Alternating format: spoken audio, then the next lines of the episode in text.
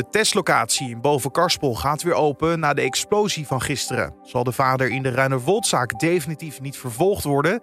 En de Turkse president Erdogan heeft eerder deze week een zeer uitgebreid hervormingsplan gepresenteerd.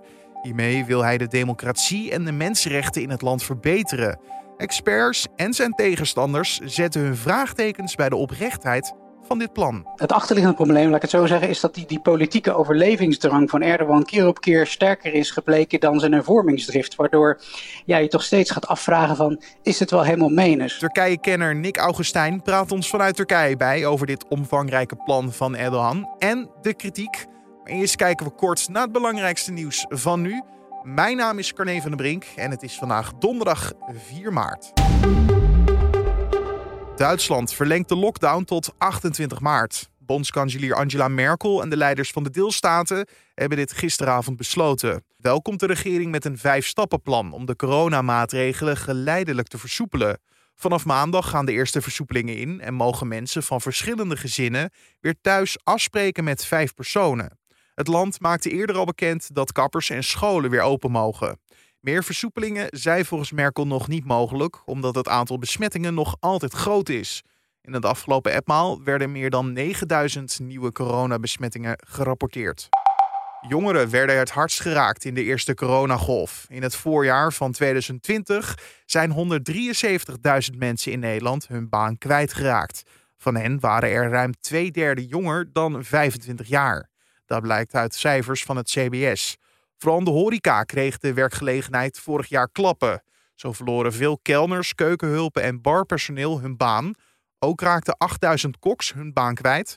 Daar stond tegenover dat het aantal vakkenvullers in één jaar met 16.000 toenam. Het afgelopen jaar zijn er in Nederland meer dan drie keer zoveel labs opgerold waar crystal meth gemaakt werd. Dat meldt NRC op basis van een jaarlijkse rapportage van de politie. Dat de politie meer drugslocaties wist op te sporen kwam mede door de hack van EncroChat, een versleutelde berichtserver die de politie begin vorig jaar wist te kraken. Daardoor kon de politie een netwerk van laboratoria ontmantelen. En Ajax heeft zich gisteravond eenvoudig geplaatst voor de finale van de KNVB-beker. De 19-voudige bekerwinnaar was in het Abelenstra stadion met 0-3 veel te sterk voor Herenveen. Trainer Erik ten Hag zag een gretig Ajax op het veld. Ja, ik denk dat wij uh, een uh, heel hongerig Ajax hebben gezien. Ja, gewoon een goede overwinning. En eigenlijk de tegenstander weinig kansen laten en uh, goed afgemaakt. Ajax neemt het in de finale op tegen Vitesse. Die finale is op zondag 18 april en wordt gespeeld in de Kuip. Ja, het is een heel opmerkelijk contrast. Vandaag moeten er in Turkije 66 journalisten voor de rechter verschijnen.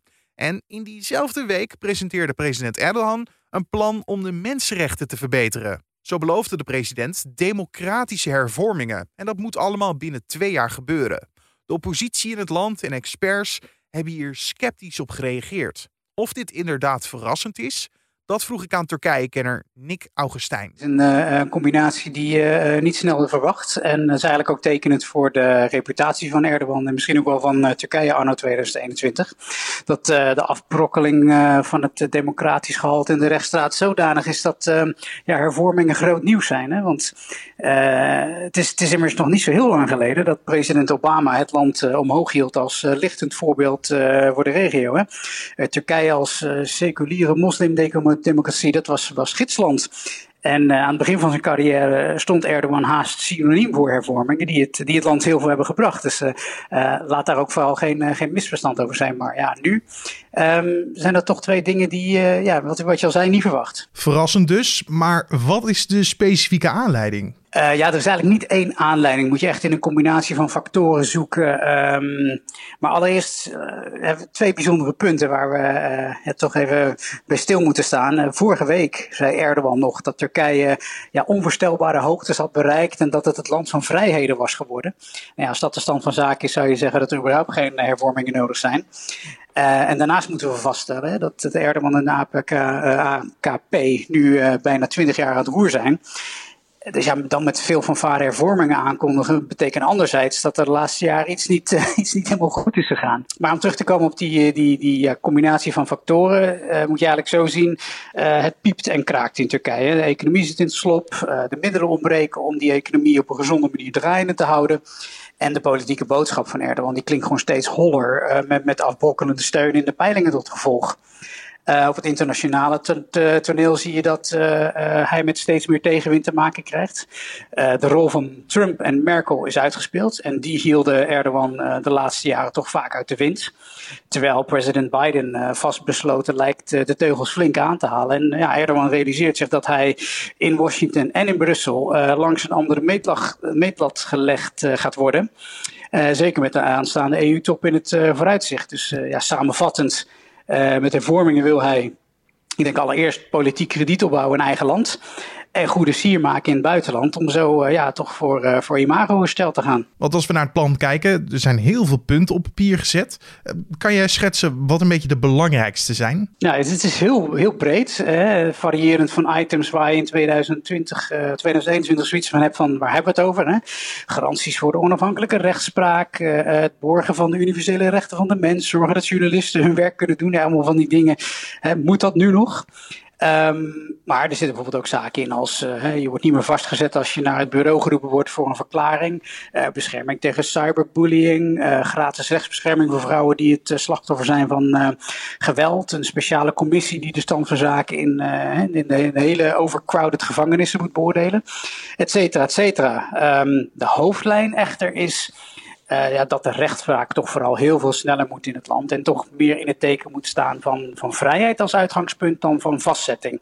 Want het grote probleem hier is dat veel veel mensen onnodig lang in voorarrest zitten of vastzitten in afwachting van een proces. Maar dan hebben we het stiekem nog niet gehad over het belangrijkste punt. Oh, vertel. dan moet je toch wel zoeken in, in de hervorming van de kieswet en de wet voor politieke partijen, die uh, daar eigenlijk ook een beetje in is uh, gemoefeld, lijkt het wel. Uh, want we hebben zoals gezegd een punt bereikt dat er in peilingen geen meerderheid is meer voor de, de AKP en diens junior partner, de rechtsnationalistische partij MHP. dus door de kieswet zo aan te passen, moet het straks voor de AKP makkelijker worden om meer zetels te vergaren. Dat is overigens niet iets wat ik zelf vermoed, maar waar uh, de partij gewoon zelf voor uitkomt. Mm -hmm. uh, en daarnaast moet de kiesdrempel omlaag, zodat ook uh, die junior partner MHP kans heeft in het parlement te komen. Maar daarentegen weer niet zo laag dat ook de partijen, de nieuw opgerichte partijen van voormalige AKP-leden een, een, kans hebben. Dus hervormingen die voor zijn eigen agenda eigenlijk ook goed uitkomen. Ja, nou het lijkt er vooral op dat negen van die tien hervormingen eigenlijk het soort smeermiddel moeten zijn om deze veranderingen, de kieswet en de wet voor politieke partijen, er, er zonder heel veel uh, geschreeuw en commentaar doorheen te krijgen. Maar jij zei, het zijn eigenlijk ook heel veel punten waarvan je denkt, waarom is dat een punt van discussie? Waarom hebben ze het daar nu over? Dat moet toch gewoon uh, volstrekt normaal zijn? Is het mhm. dan Erdogan die luistert naar, de, naar het volk eindelijk? Of is dit een soort eigen wenslijstje wat nu uh, uitgebreid opgesteld is? Nou ja, naar eigen zeggen is het programma tot stand gekomen. En ik citeer op basis van de noden en de eisen van de bevolking. Maar ja, daar hangt natuurlijk een soort van zweem omheen dat het uh, net genoeg is om net genoeg partijen die Turkije scherp in de raad te houden, hè, denk aan de VS en de EU, om die tevreden te houden.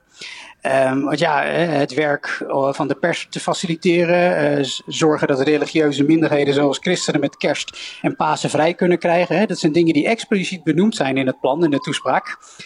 Maar ik kan me niet voorstellen dat de Turkse bevolking daar nou om riep, als je begrijpt wat ik bedoel. Nee, want wat zijn een beetje de reacties die jij voorbij hebt zien komen op dit plan en de presentatie hiervan? Ja, nou goed, van het, uit het ene kamp, het kamp Erdogan, is uh, de, de, speech natuurlijk de ultieme uiting van hoe Turkije zich onderscheidt van de rest van de wereld en hoe ze ja, opnieuw opkomen voor de zwakkeren. Het andere kamp ziet vooral uh, uh, dit als voortzetting van die enorme kloof die er bestaat tussen theorie en praktijk. Uh, waardoor de woorden van Erdogan gewoon ja, ongeloofwaardig overkomen. Hè. Er worden nog, dagelijks de meest basale grondrechten met de voeten getreden, zoals ze al zeiden. en, en ja, sterker nog, de, de, eerste reactie van de oppositie was: hey, Erdogan heeft de eigen grondwet ontdekt, waar ja, al heel veel zaken in geregeld zijn. En, en we hebben na het aantal punten genoemd. Nou ja, daar heb je geen uh, hervormingsplan voor nodig. Hè. Als de politieke wil er was geweest, dan had je heel veel van die hele basale punten al lang en breed kunnen regelen. Sterker nog, dan had de oppositie geen strobreed in de, in de, in de weg gelegd. Uh, die hadden je waarschijnlijk nog geholpen ook. Het is een wit voetje halen voor de rest van de wereld, maar ondertussen je eigen agenda erop nahouden? Precies, en, en het, het probleem is, is, is ja, het achterliggende probleem, laat ik het zo zeggen, is dat die, die politieke overlevingsdrang van Erdogan keer op keer sterker is gebleken dan zijn hervormingsdrift. Waardoor ja, je toch steeds gaat afvragen van, is het wel helemaal menens? Uh, laten we nog eens een punt aanhalen. Um, men wil zich gaan inzetten voor de, of op gaan komen voor de zwakkeren in de samenleving, de afgestelde groepen. En dan worden uh, kinderen gehandicapten. Maar ja, zal dat dan ook gelden voor de LGBTQ-gemeenschap? Ja, dat, dat laat zich uh, raden, want ja, daar werd lekker tegen geageerd, omdat je daar uh, politieke punten mee kan scoren. Dus weet je, bij elk punt staat er weer zo'n deur open naar, naar twijfel en, en argwaan. Maar is het hele plan al in cement gegoten of kan er nog in geschoven worden? Nee, nee, de, de, de, de toezegging is dat de komende twee weken de plannen uitgewerkt worden. Om dan vervolgens de komende twee jaar um, um, echt geïmplementeerd te worden. Nou, dan zou je zeggen dat uh, uh, klinkt als een vrijbrief om er jezelf makkelijk van af te maken, want dan is iedereen vergeten. anderzijds, Erdogan heeft het al jaren over het eeuwfeest van de Republiek, 2023.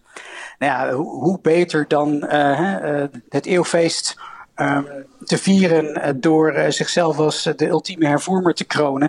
En dat pakket um, toch echt daadwerkelijk af te leveren.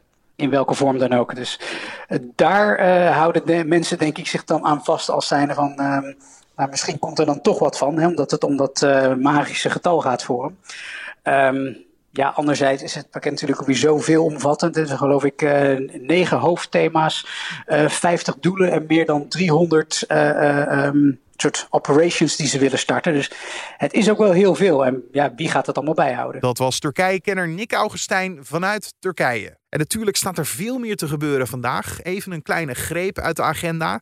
De coronateststraat van de GGD in Boven waar woensdagochtend een explosie was, gaat deze ochtend weer open.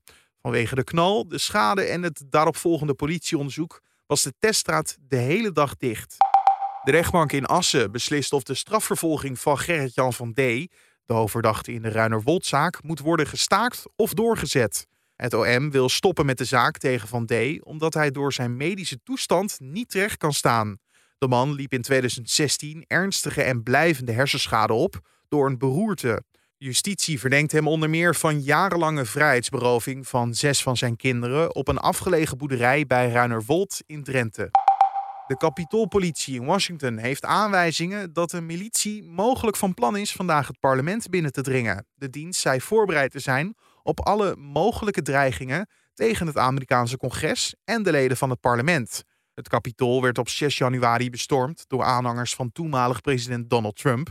En circa 800 mensen drongen toen het parlementsgebouw in Washington binnen, waarbij vijf doden vielen. En wat voor weer wordt het vandaag? Dat hoor je van Wilfried Jansen van Weerplaza. Vanochtend zien we op heel veel plaatsen bewolking en met name in de zuidelijke helft van het land valt ook van tijd tot tijd wat regen. In het noorden van het land valt lokaal ook een spat, maar daar is het uh, vaker droog. In de regen, met name vanochtend vroeg, is het water koud. Temperatuur op veel plaatsen rond de graad of 3. In de loop van de dag wordt het vanuit het noordwesten op steeds meer plaatsen droog. Of dat uiteindelijk ook in Zuid-Limburg nog lukt voor de avond, is nog eventjes de vraag. Ja, verder breekt dan in het noorden van het land de zon door. In het zuiden blijft het bewolkt en de temperatuur ligt op de meeste plaatsen een flink stuk lager dan de afgelopen dagen. Met waarde rond de graad of 6. Nou, voor de Wadden is het juist ietsjes minder kil dan dat het gisteren was. Dankjewel Wilfried Jansen van Weerplaza. En om af te sluiten nog even dit. Een test met een onbemande ruimteraket van SpaceX is opnieuw geëindigd in een explosie. De raket, die uiteindelijk mensen en goederen naar Mars moet kunnen brengen, ontplofte na een succesvolle landing op de lanceerbasis. De verticale hoek die de raket moest maken vlak voor de landing verliep succesvol. En dat was een mooi moment voor de live volgers. It did it! It's, on the ground! Vertical. It's vertical! Look! Oh my god! Oh my god. Has it landed, Michael. I got it. I'm on it. It or landed. It? Maar enkele minuten nadat de raket weer op de grond was, ging het alsnog fout. Whoa, whoa, whoa! Whoa! Oh my god! There you go, folks. Boom! Wow. Het is de derde keer dat een testvlucht eindigt in een explosie. Waardoor het deze keer komt, is niet bekend. Als ik in mijn draaiboek kijk, dan zie ik een blanco pagina. En dat betekent dat we aan het einde zijn gekomen van deze podcast voor de donderdag 4 maart. Niet voordat ik je nog even heb gezegd dat je de podcast beter kan maken door ja, feedback, vragen, suggesties door te mailen naar podcast.nu.nl. Dat is ons mailadres podcast.nu.nl. We checken het elke dag en als je bijvoorbeeld suggesties hebt waar we een keer aandacht aan moeten besteden, stuur dat dan door naar ons mailadres podcast.nu.nl. Mijn naam is Carne van der Brink. Dankjewel voor het luisteren en een hele mooie dag.